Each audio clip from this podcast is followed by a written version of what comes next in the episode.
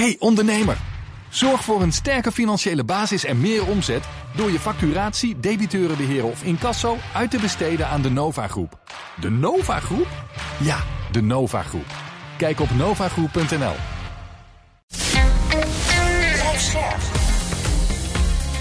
BNR Nieuwsradio. Napleiten.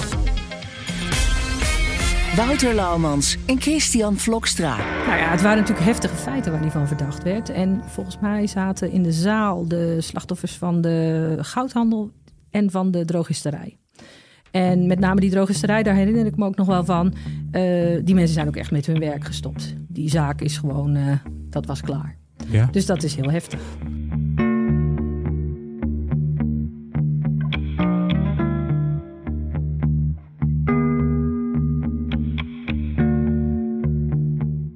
Hallo en welkom bij Napleiten, de podcast waarin we met advocaten, officieren van justitie en rechters praten over strafzaken die hen altijd zijn bijgebleven.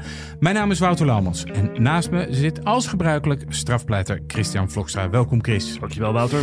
Eerst even de huisregels. In deze podcast praten we over definitief afgedane zaken. En vanwege de journalistieke zuiverheid behandelen we ook geen zaken waar Chris bij betrokken is geweest.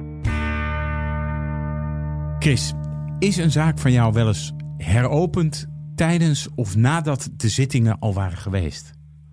Uh, ja, dat, dat, dat, dat vind ik eigenlijk best wel, ik zal niet zeggen regelmatig.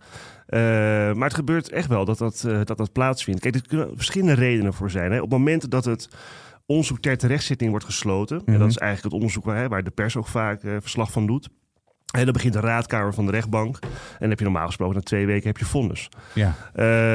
Uh, soms duurt het langer. Maar goed, in die raadkamerperiode hè, tot aan vonnis kan het gebeuren dat ofwel de rechtbank tijdens de raadkamer denkt van hé, hey, we missen iets, we, we, we missen informatie, we willen een onderzoek om een goede beslissing te nemen. Nou, dan kan de rechtbank zelf, ambtshalve noemen we dat, uh, het onderzoek ter terechtzitting heropenen en dat nader onderzoek hè, laten plaatsvinden. Mhm. Maar het kan ook zijn dat vanuit het Openbaar Ministerie of vanuit de uh, verdachte uh, ja, feiten en omstandigheden kenbaar worden gemaakt. Nieuwe informatie of zo. Nieuwe informatie die je wil inbrengen in het proces. Nou, en dan moet Ja. je dat natuurlijk toesturen naar de rechtbank naar het OM. En dan verzoek je hè, om, om het onderzoek ter terechtzitting te heropenen. En is het uiteindelijk natuurlijk aan de rechtbank ja, of ze dat willen doen, ja of nee. Maar het vindt, kijk, het is niet heel vaak, maar het vindt best wel. Nou, in de regel kan het best wel plaatsvinden, ja. We gaan naar de zaak van vandaag. Uh, die gaat over een jonge overvaller uit Almere. Op 12 september 2019 plegen twee jonge mannen op klaarlichte dag een overval op een goudhandel in Almere. Een 18-jarige jongen staat verderop in een steeg klaar om met een gevulde sporttas op de vlucht te slaan. Een paar uur na de overval is hij al onderweg naar België om de gouden sieraden daar te verkopen. Twee maanden later is de tiener uit Almere opnieuw betrokken bij gewapende overvallen. Eerst op een drogisterij en een paar dagen later op een woning. Bij beide overvallen gaat de verdachte bewapend naar binnen. Terwijl, hij zijn, terwijl zijn gezicht bedekt is, bedreigt hij de slachtoffers en hierbij gebruikt hij ook geweld. De jongen wordt uiteindelijk opgepakt. Bij ons te gast vandaag uh, is Suzanne Terporte. Welkom. Dankjewel. Uh, rechter. En het gebeurt natuurlijk niet zo heel vaak nee. dat we actieve rechters hebben. Uh, je, vertel even wat over je werk. Waar ben jij rechter? Ik ben rechter uh, in de rechtbank Midden-Nederland en dan op de locatie Lelystad. En daar zit één strafrechtteam en daar doen wij alle zaken uit, zoals wij dat zeggen, de polder. En de polder is groot. Dat is van Urk tot Almere. Uh, en daarnaast uh, een deel van de zaken uit de Gooienvechtstreek. Oké, okay, en, en, jij bent ook kinderrechter, toch? Ja. Uh, en in hoeverre, we hebben het hier ook wel eens eerder uitgelegd door voor advocaten bij jeugdstrafrecht, maar in hoeverre verschilt het werk van een kinderrechter ten opzichte van nou ja, een volwassenenrechter, een volwassenenrechter? Ja, uiteindelijk is uh, kinderrechter een specialisatie. Hè? Dus je, je volgt een aantal uh, extra cursussen... waardoor je nou, wat meer toegericht bent op dat kinderrechterswerk. En ik denk dat het grootste verschil is dat uh, je nou, toch ook wel... met een wat andere insteek die zittingen doet. natuurlijk heb je het over de feiten... maar het jeugdstrafrecht is ook heel erg gericht op... nou ja, pedagogisch iets doen met zo'n jongere. En dus op die manier proberen te voorkomen dat er opnieuw een strafbaar feit wordt gepleegd. En, met name dat pedagogische aspect is denk ik een verschil met gewoon het volwassen strafrecht. Hè. Er zijn vaak uitgebreide rapportages. En nou, de zittingen duren vaak ook langer, omdat je gewoon ook meer tijd hebt om ook over die persoonlijke omstandigheden uh, met iemand in gesprek te gaan. Uh, En daardoor ook een eh, ja, goede beslissing te kunnen nemen. Ja, ik heb altijd het idee dat in dat jeugdstrafrecht, ja, als, als journalist mag je daar dus zeer zelden en bij hoge uitzonderingen Ja. wel eens bij zijn. Maar dat is eigenlijk zeker niet de regel. Maar ik heb eigenlijk eh, altijd het idee dat er bij dat jeugdstrafrecht, dat er toch wat meer hoop in de hele procedure zit op eh, rehabilitatie en mogelijk beterschap of zoiets. Is dat, is, die, is dat een juiste aanname voor mij? Ehm, ja, nou ja, weet je, ja, ik denk dat dat wel in dat pedagogische zit. Ik denk dat dat wel klopt. Voor mij persoonlijk geldt het in ieder geval wel. Weet je, ik ben altijd wel heel erg bezig en dat is ook altijd wel mijn insteek dat ik denk.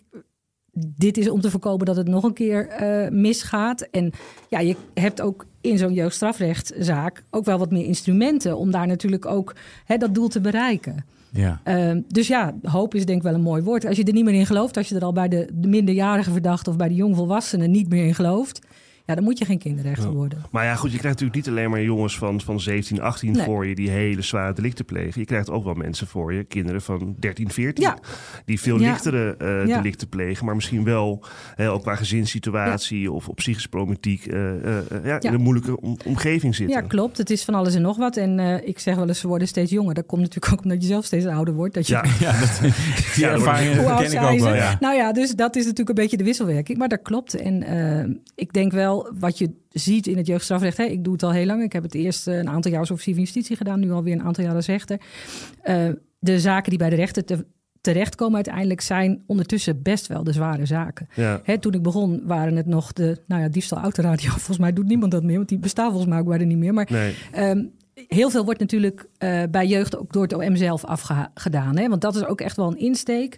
Bij jeugdstrafrecht ligt waar het kan. En eh, pas naar de kinderrechter als het echt nodig is. En uiteindelijk kan een reden ook wel zijn dat er gewoon heel veel speelt. eh, en dat er gewoon eh, een kader moet worden gecreëerd met behulp van het jeugdstrafrecht. Wat een officier van justitie niet voor elkaar krijgt met Ja. de instrumenten die hij of zij heeft. Misschien is het wel goed ook voor de luisteraar, hè, want dat kun je beter zelf uitleggen. Want een kinderrechter, jeugdstrafrecht is niet alleen dat jeugdstrafrecht. Nee. Hè, maar dat ziet ook op uithuisplaatsingen, onder toezichtstellingen. Ja, het gaat heel ver, hè? Ja, Eigenlijk het zijn- het veelomvattend. En het is bij de rechtbanken eh, in het land verschillend geregeld. Eh, in Lelystad, waar ik werk, is een, zijn de uithuisplaatsingen onder toezichtstellingen. Dat wordt door het team familierecht gedaan. Oké. Eh, dus dat hebben wij er niet bij. Ik heb ook vier jaar bij het team familierecht gewerkt als kinderrechter. Dus wat wij in Lelystad doen, en dat is wel het hele leuke van een wat kleinere rechtbank, is dat wij, nou ja, ook nog wel eens als het nodig is, eh, twee petten opzetten. Dus we combineren het. Ja, Ja. en eh, hè, als je bijvoorbeeld een jongere hebt die eh, in een voorlopige hechtenis zit en op een gegeven moment wordt gezegd, je moet civielrechtelijke maatregel hebben. Dus met een uithuisplaatsing bijvoorbeeld in een jeugdinstelling. Eh, gesloten jeugdzorg of, of niet gesloten jeugdzorg. Dan kan ik dat dus allebei doen. En die combinaties maken we wel. Maar in principe zijn het twee verschillende teams. En je hebt ook wel rechtbanken waar het echt in één team allemaal bij elkaar eh, zit. Dat is in Lelystad niet zo. Maar goed, door de kleine schaal doen we toch wel vaak eh, zoveel mogelijk bij elkaar af. En is het nou zo dat, want je zegt, ik heb eigenlijk ook als, eh, in, de civiele, eh, eh, in het civiele gewerkt. Hè? Is het nou zo dat je daar een soort overlap in ziet? Dus dat je en mensen die je eerst in civiele procedures ziet, later weer tegenkomt in het strafrecht? Hoe, hoe, hoe, want dat Ja. kan ik me zo voorstellen. Want Ja. je hebt natuurlijk veel te maken met probleemgevallen, dat zou ik maar zeggen. En niet allemaal, maar een aantal helemaal. Toen ik zeg maar net was overgestapt van, van het familieteam naar het strafrechtteam, her, ja, kende ik gewoon heel veel jongens. Eh, nou, het zijn toch vaak jongens eh, al uit het civiele. Dat Ja. je ze al inderdaad onder toezicht had gesteld, uit huis had geplaatst. En dan zie je ze dus terug in het strafrecht. En wat Ja. zegt dat jou? Nou ja, dat, ja, wat zegt dat mij? Ehm, nou, eigenlijk wat jij zegt, dat het natuurlijk toch vaak jongens zijn uit eh, gezinnen waar heel veel aan de hand is. En waar al heel lang zorgen over zijn. En dat het dus niet altijd lukt om dat alleen maar met een Strafrecht op te civiel... lossen. Nou ja, maar ook dus niet met een civiel Nee. kader. En dat dan op een gegeven moment die stap naar het strafrecht... eh, hè, gemaakt wordt, die stap naar strafbare feiten. En Ja. dat, nou ja, dan ben je al best wel een aantal bruggen voorbij, Ja. zeg maar. Maar ja, wij, wij, is- wij hebben het er vaak over, hè, Wouter en ik. Omdat Wouter natuurlijk voor het parool hè, eh, heel veel schrijft over de Bijlmer hier. wat er allemaal gebeurt. Ook over Hè? Amsterdam-West. Maar eh, jonge, jonge daders of eh, jonge verdachten kom- komen gewoon echt En wel hoe vaak om te voorbij. gaan met, met jeugdcriminaliteit. En wat, wat denk ik de kern is, is dat je gewoon ziet. Het is multiproblematiek. Hè, het is problematiek thuis, het is problematiek qua, qua, hè, qua gedragsstoornissen eventueel. Het zijn heel vaak jongens die natuurlijk ook al eh, uitgevallen zijn op school. Die Ja. dan nog in een of ander, of een of ander, maar dat zijn goede trajecten, hè, maar die dus al, nou, in zo'n traject, dat is dan een beetje ter vervanging van school. Maar dat is al heel laagdrempelig. Nou, Ja. daar houden ze het vaak al niet vol. Ja. Dan is er al een voorgeschiedenis met hulpverlening in het gezin. Vaak ouders die gewoon ook ja, zwak zijn als het gaat om opvoedvaardigheden. Ja. Ja, en dan zie je het, nou ja, niet in alle gevallen. Maar dan, nou ja, de kans dat het dan dus op een gegeven moment ook nog richting criminaliteit misgaat. Ja, die is wel groot. Ja, er wordt veel over gezegd, hè, over jongeren in de misdaad. eh en veel over geschreven door, eh, door mij, maar ook door Anderen. collega's. Ik kan me voorstellen dat je als rechter... Ja, hoe kijk je daar eigenlijk naar? Hoe kijk je daarnaar? Is dat iets... Waar je, lees jij al, die, al, al dat soort dingen? Nee, ik- ja, nee ik, ik kan niet alles lezen. Maar ik, ik, ja, ik probeer het wel te volgen. Het is natuurlijk toch ook... eh, ja, ik vind het ook altijd wel heel interessant eh, om te kijken hoe er tegenaan gekeken wordt. Eh, en ja, ik probeer ook wel een beetje te kijken... herken ik nou dingen vanuit inderdaad de zittingen en de zaken Ja. die wij zien voorbij. Ja, dat wilde ik vragen. Want Almere, Lelystad en de polder, je zei Urk tot aan... Ja. Wat, wat, wat- ja, wij zijn natuurlijk heel erg Amsterdam Nou gericht. ja, Nou kijk, ja, het weet is- je, met name Almere is Ja. natuurlijk gewoon echt... Dat is, de, de route, dat is een heel kort lijntje met Amsterdam, Ja. denk ik altijd. Ja. Ik- Daar ik- zit echt wel veel overlap. Wij zien Ja. vaak zaken die eh, ofwel in Amsterdam beginnen en Ja. dan uiteindelijk... eh, we hebben een tijd lang eh drillrappers bijvoorbeeld gevolgd. Ja. En daar zag je dat conflicten die hier waren ontstaan... uiteindelijk werden uitgevolgd bijvoorbeeld in Almere... of raakexpedities die veel, daar... veel jongeren met ook gewoon familie hè, in de Bijlmer bijvoorbeeld. Dus de, ja, het lijntje, er is geloof ik een rechtstreeks treinverbinding... zo Lelystad al in Amsterdam. Ja. ja, maar er is geen specifieke om het zo Nee, te nee, zeggen. nou ja, die is er natuurlijk. Dat, nou ja, maar dat ik zeg de polder, dat is natuurlijk Ja, een heel breed begrip. daarom, maar het ja. leuke van Lelystad is dus dat je aan de ene kant wel die polderproblematiek Ja, hebt, en wat om is, die polder, wat is die polderproblematiek Nou ja, dan? weet je, nee, ja, wat is die polderproblematiek? Eh, in Urk gebeuren andere op, op Urk moet ik zeggen. Ja. Ja. Op Urk gebeuren andere dingen dan eh, in Lelystad. Overigens gebeurt daar ook van alles. Maar eh, ja, Lelystad en met name ook Almere, dat is, dat is echt de, de grote stedelijke problematiek. Ja, Eh, en ja, in de polder, eh, En in Urk dan is het meer de dan? Ja, ik ben heel benieuwd wat Nou ze ja, op Urk doen. Op Urk eh, steken ze ook bijvoorbeeld de teststraat van de GGD in de Oh. fik. Dat soort dingen gebeuren daar. Dus daar speelt ook ook wel veel wat bootjes vol cocaïne, toch? Maar, ja. ehm, Ja, daar heb jij nog een podcast over Zeker. gemaakt. en Ja. Urk is natuurlijk ook niet de enige plaats. Maar weet je, dat is wat meer, nou ja, een beetje de, de reguliere criminaliteit, de woninginbraken, de vechtpartijen. ja. Maar echt, nou ja, weet je, ik denk merendeel van de jeugd, dat heb, dan heb je het wel over Almere Lelystad. Ja. We gaan het hebben over de zaken waar, waar, waar jij bent. eh, nou, jij, jij bent de gast voor een, om een zaak te bespreken. Waarom heb je voor deze zaak gekozen? Ehm, ik heb voor deze zaak gekozen omdat dit wel een zaak is die me altijd is eh, bijgebleven. En eh, toen ik de, ik heb even de zittingsaantekeningen ook teruggelezen, dacht ik, oh ja, het is me ook wel iets rooskleuriger bijgebleven. dan is het vaak de zo, hè? werkelijkheid was. Nou ja, wat heel bijzonder is in deze zaak. Kijk, deze jongen, eh, de verdachte, is uiteindelijk op de zitting eh, twee feiten van de drie gaan bekennen. Nou, dat is sowieso, ja, dat vond ik gewoon heel bijzonder. En ik vind het ook gewoon een heel mooi voorbeeld hoe je dan met jeugdstrafrecht, hè, want dat is toegepast hoewel hij al 18 was, maar dat gaan we straks vast ook nog bespreken. Uiteindelijk echt ook maatwerk kan leveren om er gewoon voor te zorgen dat zo'n jongen de goede afslag gaat nemen. Laten we bij het begin beginnen. Hoe kwam die zaak bij jou terecht? Hoe gaat dat dan? Ja, hoe gaat dat? Uiteindelijk gaat dat dat je op een gegeven moment gewoon een zitting hebt. eh, en dat daar een aantal zaken op staan gepland. En deze zaak is dan eerst een paar keer pro forma, omdat er nog allerlei onderzoek moest gebeuren. En het psycholoog heeft met die jongen gepraat, de psychiater heeft met die jongen gepraat.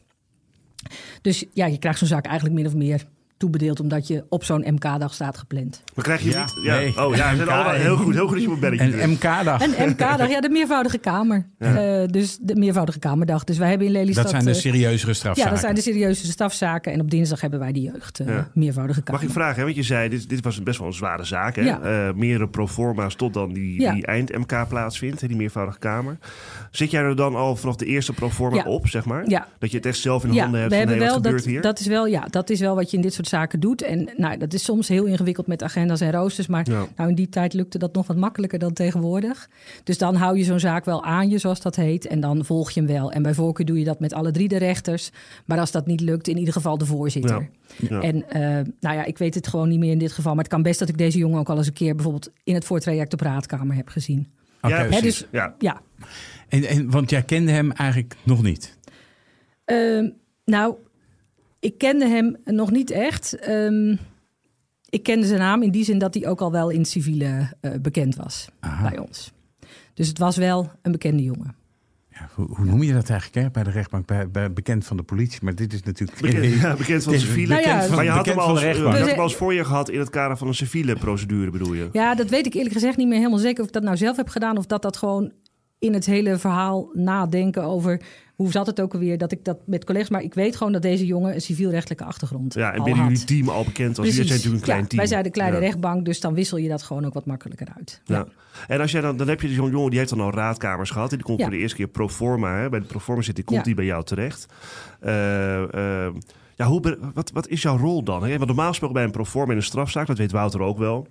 Hè, zeker in, wat zwaardere zaken. Ja, Hè, Het Openbaar Ministerie zegt stand van het onderzoek. Nou, dan gaat de verdediging Ja. gaat een beetje eh, zijn dingetje doen. pruttelen. Pruttelen, afvuren, voorlopig hechtenis, Mhm. onderzoekswensjes.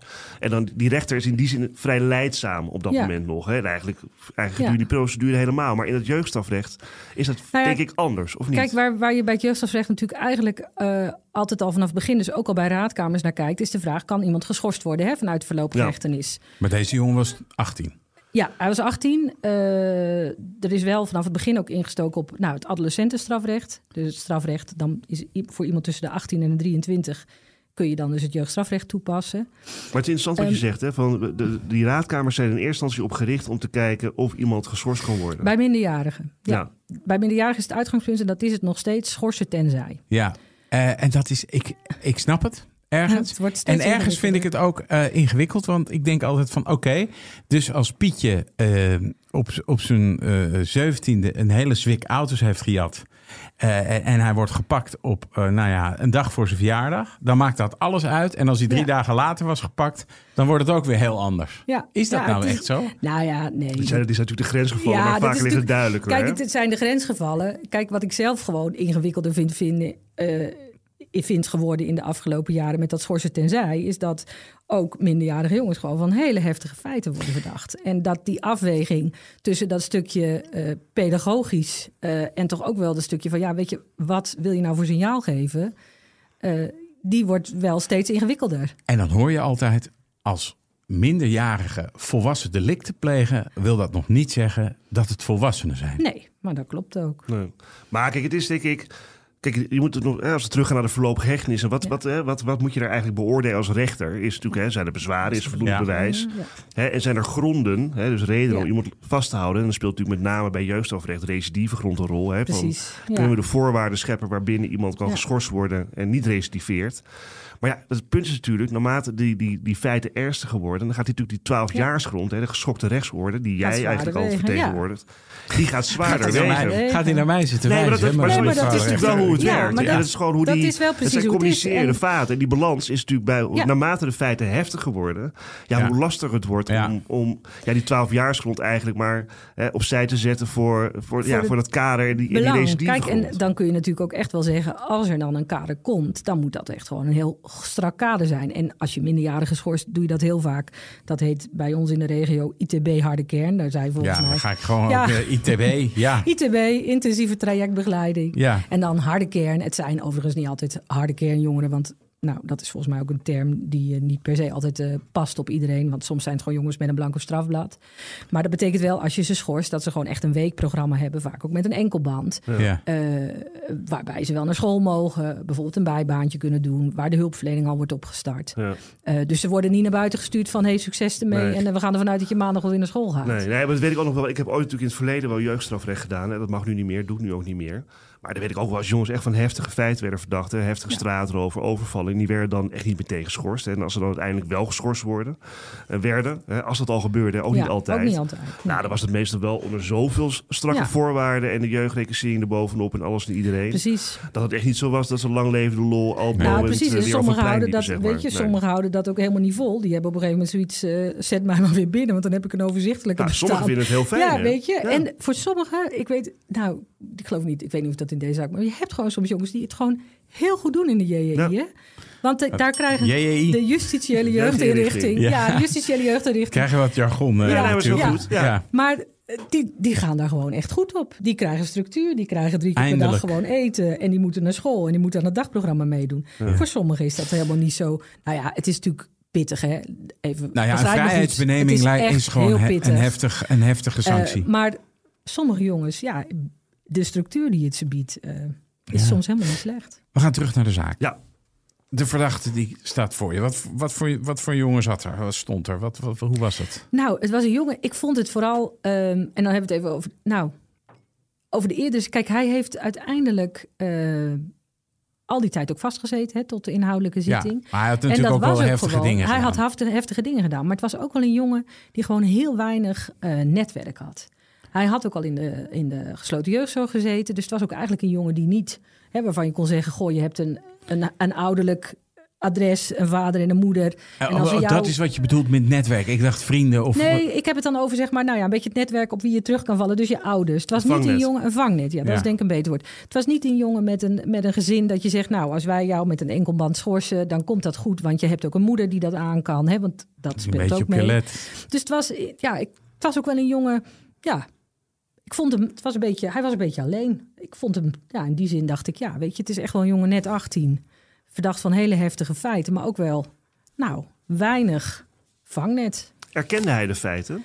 Eh, hij heeft, nou dat was bijzonder aan deze zaak. Hij heeft uiteindelijk eh, gezwegen tot de inhoudelijke zitting. Ja. En ik weet gewoon nog dat wij daar inderdaad om negen uur s morgens eh, naartoe gingen. En ik had het idee van, nou, dat wordt weer zo'n ochtend stukken voorhouden en dan uh, zwijgen, zwijgen. Ja.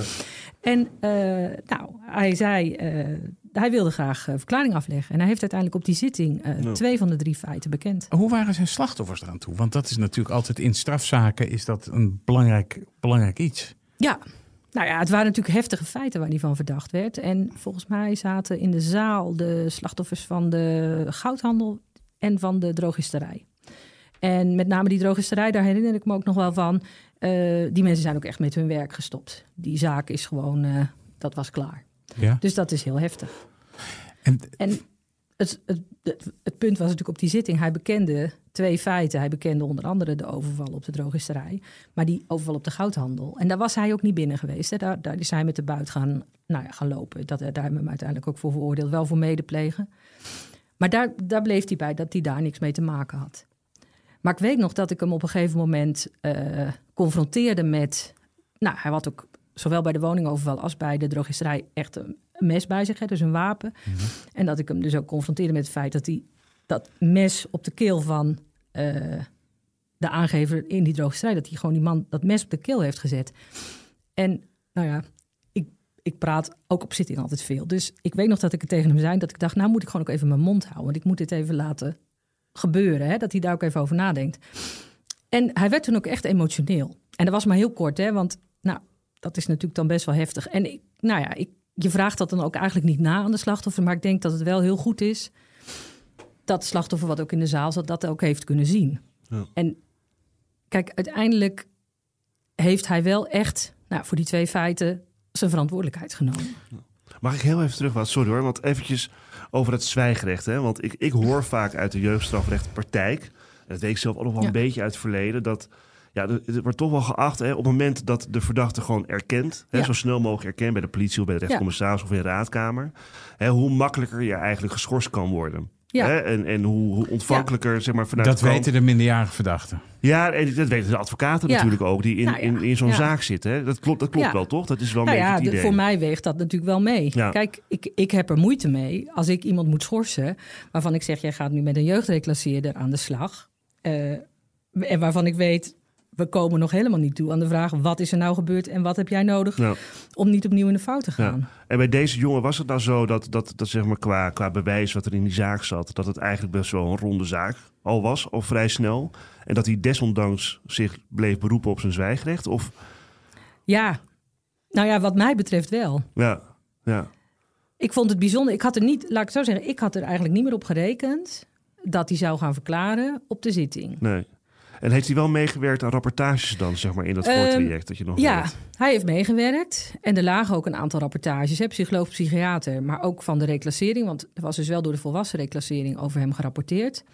Ze hadden allemaal geadviseerd, eh, of de psycholoog en psychiater, eh, maar ook de reclassering hebben geadviseerd het adolescentenstrafrecht, dus jeugdstrafrecht toe te passen.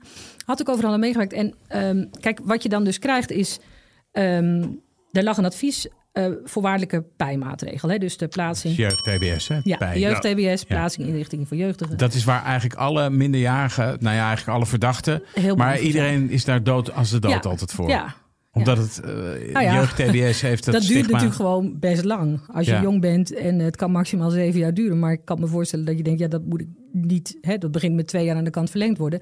Maar ja, dat is bij jongeren, dat is bij volwassenen ook zo. Maar ik denk, ja, dat je daar nou ja, bang voor wordt gemaakt, dat snap ik nog wel een Ja. beetje. Want dat is natuurlijk een soort onoverkomelijke periode Nou als ja, je in de 17 theorie kan bent. het omgezet worden naar, naar volwassenen TBS Ja, natuurlijk. ook dat nog. Dus Ja. dat is natuurlijk waar mensen bang voor worden gemaakt. Eh, Deze jongen had, had meegewerkt aan de rapportage. Het lag dus een advies eh voorwaardelijke pij. Eh, dus dan krijg je hem niet, maar dan moet je je aan een aantal hele strikte voorwaarden houden. Dat was ook met name ingegeven, die variant. Hè? Eh, omdat de psycholoog en de psychiater zeiden... het is gewoon heel belangrijk dat deze jongen wordt behandeld. Mhm. En dat kun je natuurlijk eigenlijk alleen maar bereiken met zo'n voorwaardelijke pij. Want op het moment dat je een jeugddetentie oplegt met een deel voorwaardelijk... en hij zou weer de fout ingaan, Ja. dan komt hij vast te zitten. Maar dan gebeurt er natuurlijk qua behandelen niks. Dus bij deze jongen lag heel nadrukkelijk eh, het advies... Hij, moet, hij heeft behandeling nodig.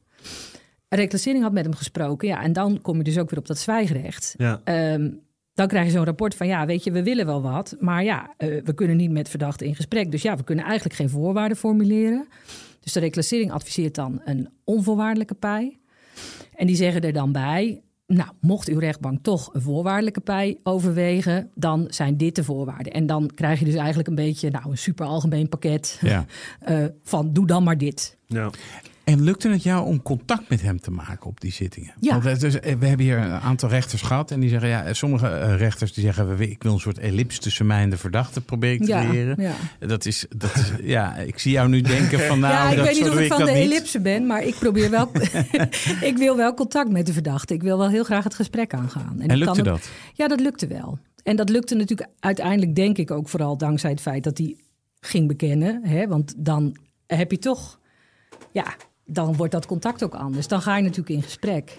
En wat ik net zei, ik heb herinner dat het me iets rooskleuriger dan het was. Want ik, ik heb nog even in de zittingsaantekeningen gekeken. In mijn beleving heeft hij echt gaaf bekend en kwam alles op tafel. Maar nou ja, ik zag het nu wel terug. Dat ik dacht, oh, het was Met toch best horten en nog wel stoten. met horten en stoten. En, eh, maar goed, uiteindelijk eh, hebben we het gesprek echt wel gehad. En met name ook wel eh, van wat nu. En daar was hij natuurlijk heel duidelijk in. Hij wilde natuurlijk heel graag de kans om, nou ja, het te laten zien dat hij het anders kon gaan doen. Ja. Mag ik hier iets over vragen? Hè? Want dat, dit fascineert mij. Kijk, als ik eventjes eh, kijk hoe jij, hè, wat de situatie is op het moment dat jij als rechter hè, die, die, die behandeling ingaat.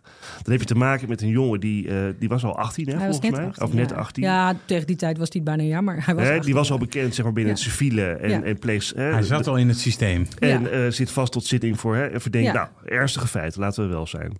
Hij zwijgt. Hè, Ja.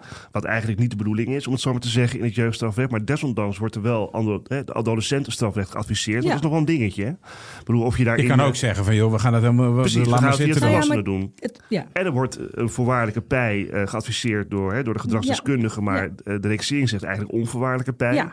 Dus je hebt een aantal vraagstukken die jij als rechter Ja. uiteindelijk moet gaan beantwoorden. Ja. En als je daar een tipje... Hoe ging jij erin? In die, kijk, ik snap dat je niet kan zeggen van... hé, hey, ik was van plan om dit te gaan doen. Maar je ging er niet al te positief in, denk ik, Nee, wat dat ik, betreft. ik ben er echt in gegaan. Ik weet nog dat we ons even hebben teruggetrokken, omdat hij vertelde van ik wil gaan verklaren. En dat we even, ik weet niet of we daarom naar de raadkamer zijn gegaan, maar ik weet nog dat we even terug zijn gegaan. Even een En- reset. Nou, dat we ook echt zoiets hadden van, oh, dit wordt dus gewoon een hele andere ochtend dan we van tevoren hadden bedacht. Ja. Dus je moet inderdaad wel even resetten. Want kijk, ik wil altijd heel graag het gesprek aangaan. Maar in zo'n zaak als deze, waarbij tot en met dat moment gezwegen is, Ja. denk ik, ja, ik had er niet op gerekend dat die zou gaan praten. Nee. En dan moet je er maar kijken in de raadkamer... waar je dan uiteindelijk met elkaar toe Nou komt, ja, zeg maar. je, qua en- eindbeslissing. Nou ja, qua eindbeslissing, dat is natuurlijk nog weer later. En uiteindelijk zijn we natuurlijk gewoon die zitting ingegaan. En nou, dan, dan ga je het gesprek op gang brengen door ook maar gewoon heel... eh, ja, je begint dan ook gewoon maar met het bespreken van vertel dan, hè, Ja. wat wil je bekennen? Nou, wat dan die twee feiten die hij bekende. En dan bespreek je het met hem, nou, toch Hoe een beetje verder? puntsgewijs. En dan ook wel, omdat er slachtoffers in de zaal waren. Denk ik, nou, daar wil je dan ook wel bij stilstaan van, hè, besef je je dat? Hoe is dat dan voor je? Hoe kijk je daarop terug? En dan inderdaad de vraag van hoe nu verder? Heeft hij eigenlijk ook verteld waarom hij het had gedaan? Nou, dat komt er niet zo uit. Maar heeft hij Nee. nou tijdens dat, dat, dat jij zeg maar, met hem daar in gesprek gaat... en hij gaat dus inderdaad verklaren... voor zover je daar iets over kan zeggen voor jezelf... Hè, Mhm. je- je, heeft dat zeg maar je, wat, hoe heeft dat jouw eindbeslissing beïnvloed? Nou ja, het heeft in die zin onze eindbeslissing beïnvloed. Dat dat echt wel eh, de reden is geweest, zijn veranderende houding ten aanzien van de feiten, waarvoor hij dus in ieder geval grotendeels zijn verantwoordelijkheid neemt. Maar ook wel het gesprek wat je daarna hebt over wat moet er nu verder. dat we dat onderzoek uiteindelijk hebben heropend. Want wat de officier van justitie deed, was uh, de onvoorwaardelijke pijmaatregel eisen met negen maanden jeugddetentie, als ik het goed heb uit mijn hoofd.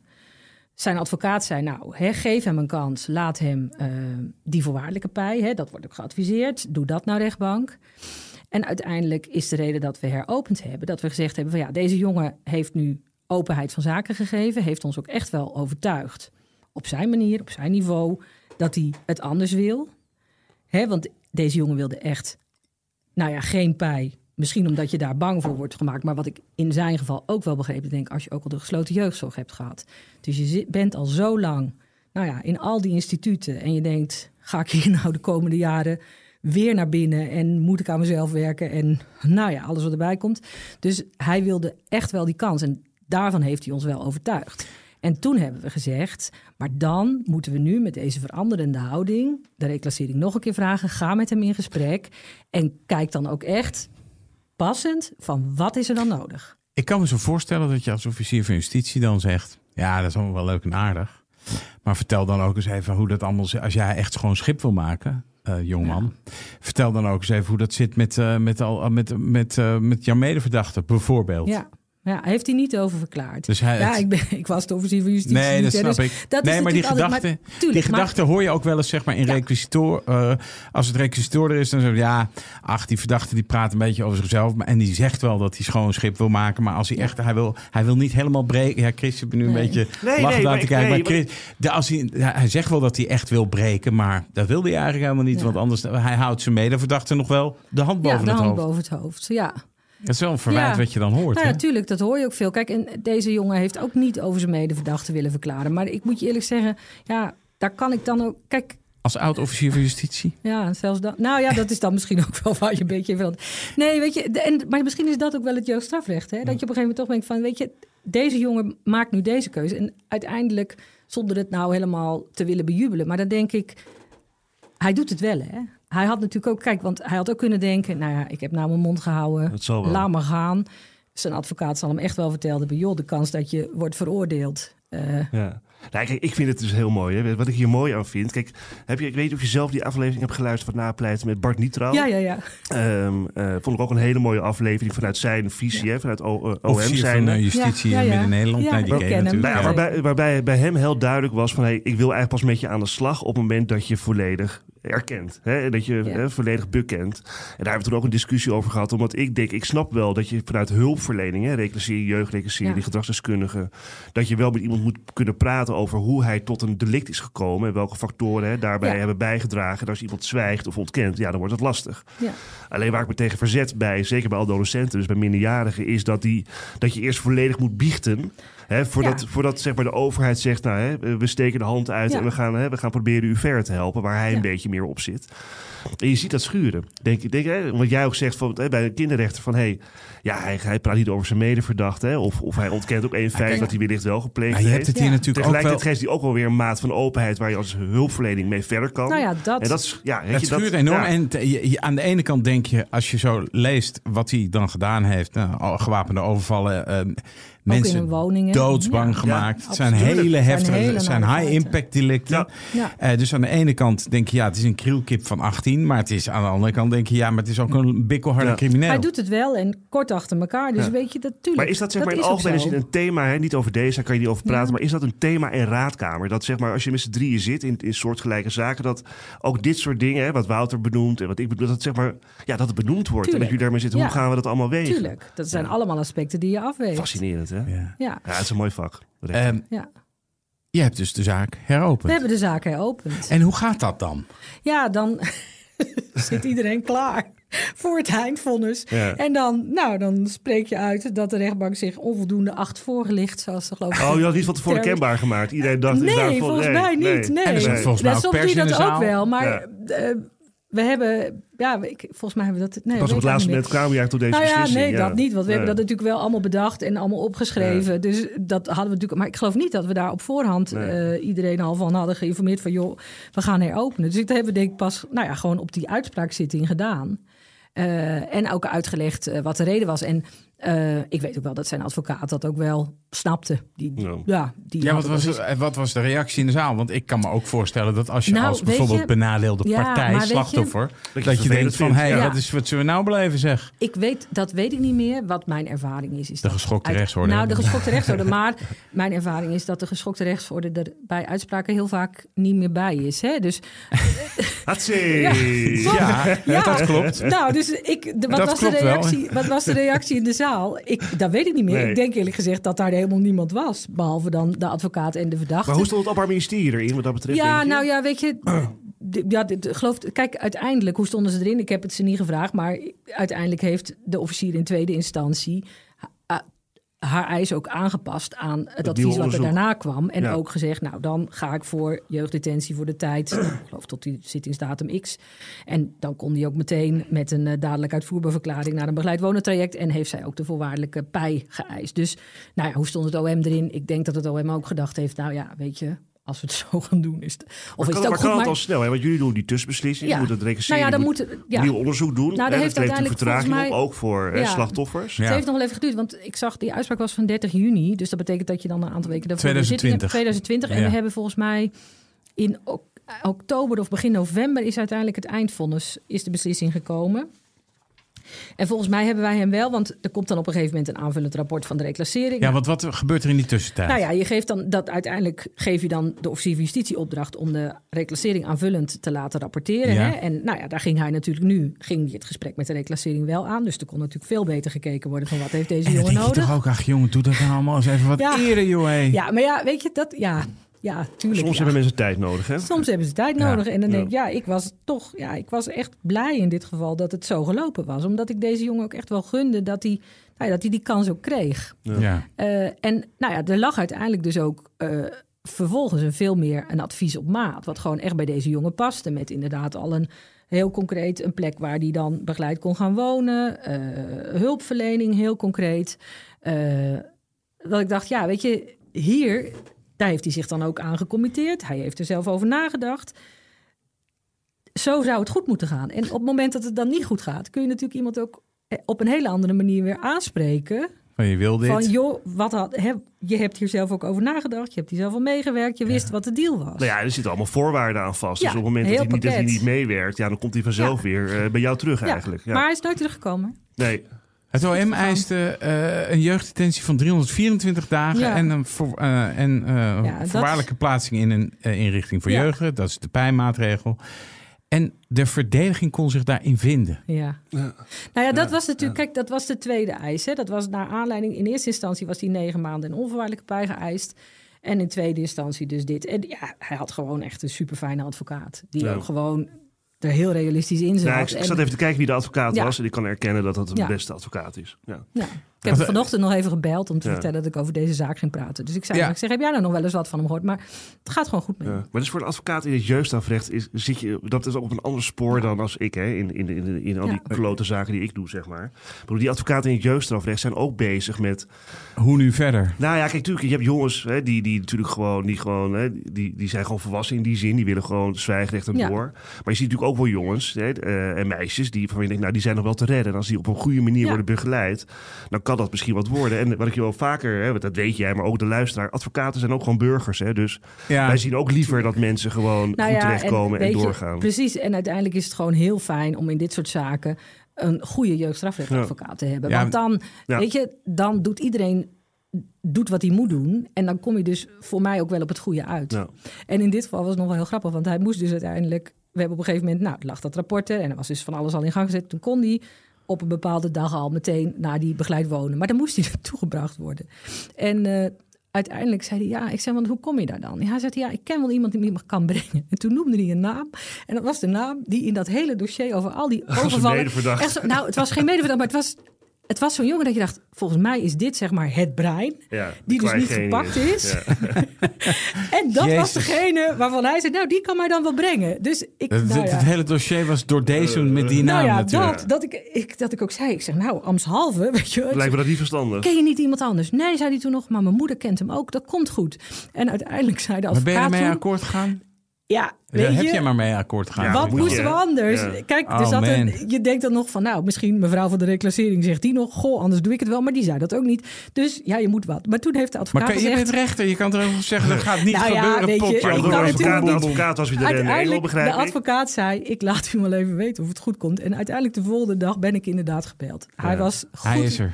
Terechtgekomen, hij was gewoon afgezet. Geen Het was klusjes goed onderweg gegaan, gedaan. geen klusjes Nee. onderweg, linea recta. Maar Ja. je echt denkt, Wat heb je uiteindelijk... Dus, eh, eh, volg je dan uiteindelijk nog hoe het met zo'n jongen gaat? Of is het dan gewoon, joh, dit, dit is, deze, Ja, deze zaak is je- afgedaan en door naar de Ja. volgende? Ja, kijk, ik heb deze zaak eerlijk gezegd, nu ik had even gekeken, maar ik heb hem niet gevolgd. Want dat is toch wel heel lastig. Kijk, zijn advocaat zag ik, maar ja, die heeft ook al honderd anderen. Dus dan is het ook wel een beetje geen bericht. Is goed bericht. Ja. Net zo niet dat de rechter rapportages krijgt. En er komen geen rapportages. Ik zag bij deze jongen, op een gegeven moment is nog een keer de, de proeftijd met een jaar verlengd. Dus hè, rond die voorwaardelijke pij. En toen heb ik wel even voor deze, ik dacht, nog even iets kunnen vertellen. Maar het- hij deed het goed. Met de nodige ups en downs. Maar hij doet het gewoon goed. Ja. Dus het is nu denk ik ook, nou, het zal bijna tegen zijn eind lopen. Mag ik iets algemeens vragen? Hè? Want ik heb er ook zelf weinig zicht op. Je hoort, als je de media leest, hè, dan is er heel De veel... media, Chris, De media. bestaat Nee, niet. maar eh, sorry. Als je, als je de kranten, eh, tijdschriften, tv kijkt... Ja. en als het gaat over jeugdzorg en de hele hè, jeugdhulpverlening... Dan, dan hoor je eigenlijk alleen maar alarmbellen. Ook Ja. vanuit de rechterlijke macht. Hè, en vanuit het Openbaar Ministerie, vanuit alle sectoren. Hoe, hoe, hoe beoordeel jij dat? Hoe, waar staan we in het... Ik denk dat het heel zorgelijk is. Kijk, wij zien het ook wel. Wij zien, eh, nou, om maar, wat te noemen, je ziet een heel groot verloop eh, van jeugdzorgwerkers. Hè, Ja. dus eh, dat zag ik al bij het familierecht. Het is Eh, loodzwaar werk ook. Het is natuurlijk ook bijna niet te doen wat we van die mensen dragen. Je ziet heel veel wachtlijsten voor hulp. Ik heb ook wel zaken gehad dat wij bij Vonnis eh, een bepaalde vorm van hulpverlening eh, oplegden. Waarvan ook gezegd wordt, ja, maar ja, in de gemeente waar deze jongen woont, is dat gewoon niet gecontracteerd. Ja. Krijgt het gewoon niet geregeld. En ze krijgen het gewoon niet geregeld. Dus die, die hulpverleners lopen ook ontzettend tegen allerlei muren op. Ja, ik, het is in die zin zorgelijk. Kijk, het is natuurlijk overal zorgelijk. Het is in, in, die, in dat hulpverleningsveld, in de justitiële jeugdinrichtingen. Er is natuurlijk gewoon heel veel zorg. En we proberen daar echt wel heel kritisch naar te kijken. Hè. Op een gegeven moment is er ook wel bericht geweest van... nou, kijk gewoon ook heel goed of het nog wel verantwoord is... om jongens in voorlopige hechtenis in een eh, JJI eh, te zetten. Hè. Kijk naar alternatieven. Ja, want het ja, zijn natuurlijk natuurlijk- leerscholen voor criminaliteit. Precies. Maar goed, dan denk ik, ja, het alternatief namelijk in een pakket met schorsingsvoorwaarden buiten, dan moet de hulpverlening buiten ook wel wel zijn. er zijn. Ja. En op tijd. Maar en niet kiezen met een wachtlijst. Ja, maar dat is dus, dus het kiezen is uit... kiezen uit twee kwaden. Ja, want aan de ene kant heb je dus een perfecte leerschool voor eh, criminelen in de dop. Ja. De jeugdgevangenis, om het zo maar eens even te zeggen. En aan de andere kant heb je, ja, je kan wel naar buiten, maar dan moet daar dus wel vangnet zijn. Ja, En mensen die je een beetje in het snotje houden. Precies. Ja. ja, maar ik kan me als rechter ook zo goed voorstellen... dat als je dan zo'n beslissing neemt... Hè, of het nou civiel is of, of eh, strafrechtelijk... Ja, die zo ingrijpend is hè, op het leven Ja. van een, een, jong mens. Dat als je er niet vanuit kunt gaan, zeg maar, dat de uitvoering van die beslissing, hè, of dat die ook op een goede wijze, zorgvuldige Ja. wijze plaatsvindt vanwege allerlei problematiek. Ja. Hè, eh, personeelstekort, nou noem allemaal maar op.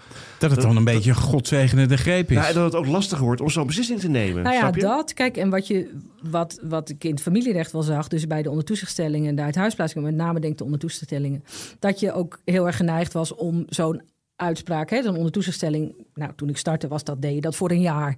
En dan keek je na een jaar of het nodig was. En op een gegeven moment merkte je gewoon dat je veel meer de neiging had om te zeggen, nou, doe maar een half jaar. Want ik wil gewoon kijken of Ja. de hulpverlening die nodig is, Vinger aan de pols. ja, vinger aan de pols.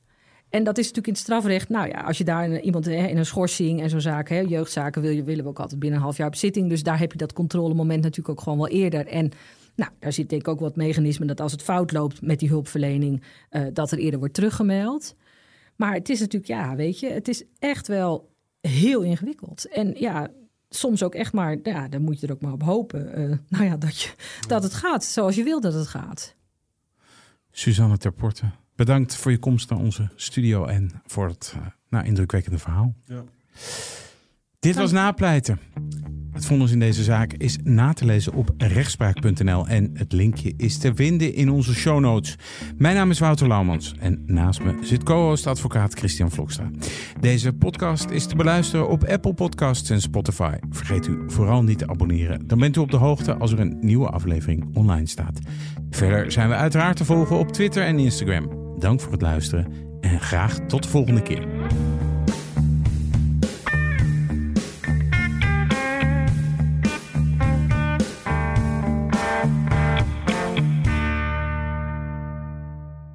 Hey ondernemer, Zorg voor een sterke financiële basis en meer omzet door je facturatie, debiteurenbeheer of incasso uit te besteden aan de Nova Groep. De Nova Groep? Ja, de Nova Groep. Kijk op novagroep.nl.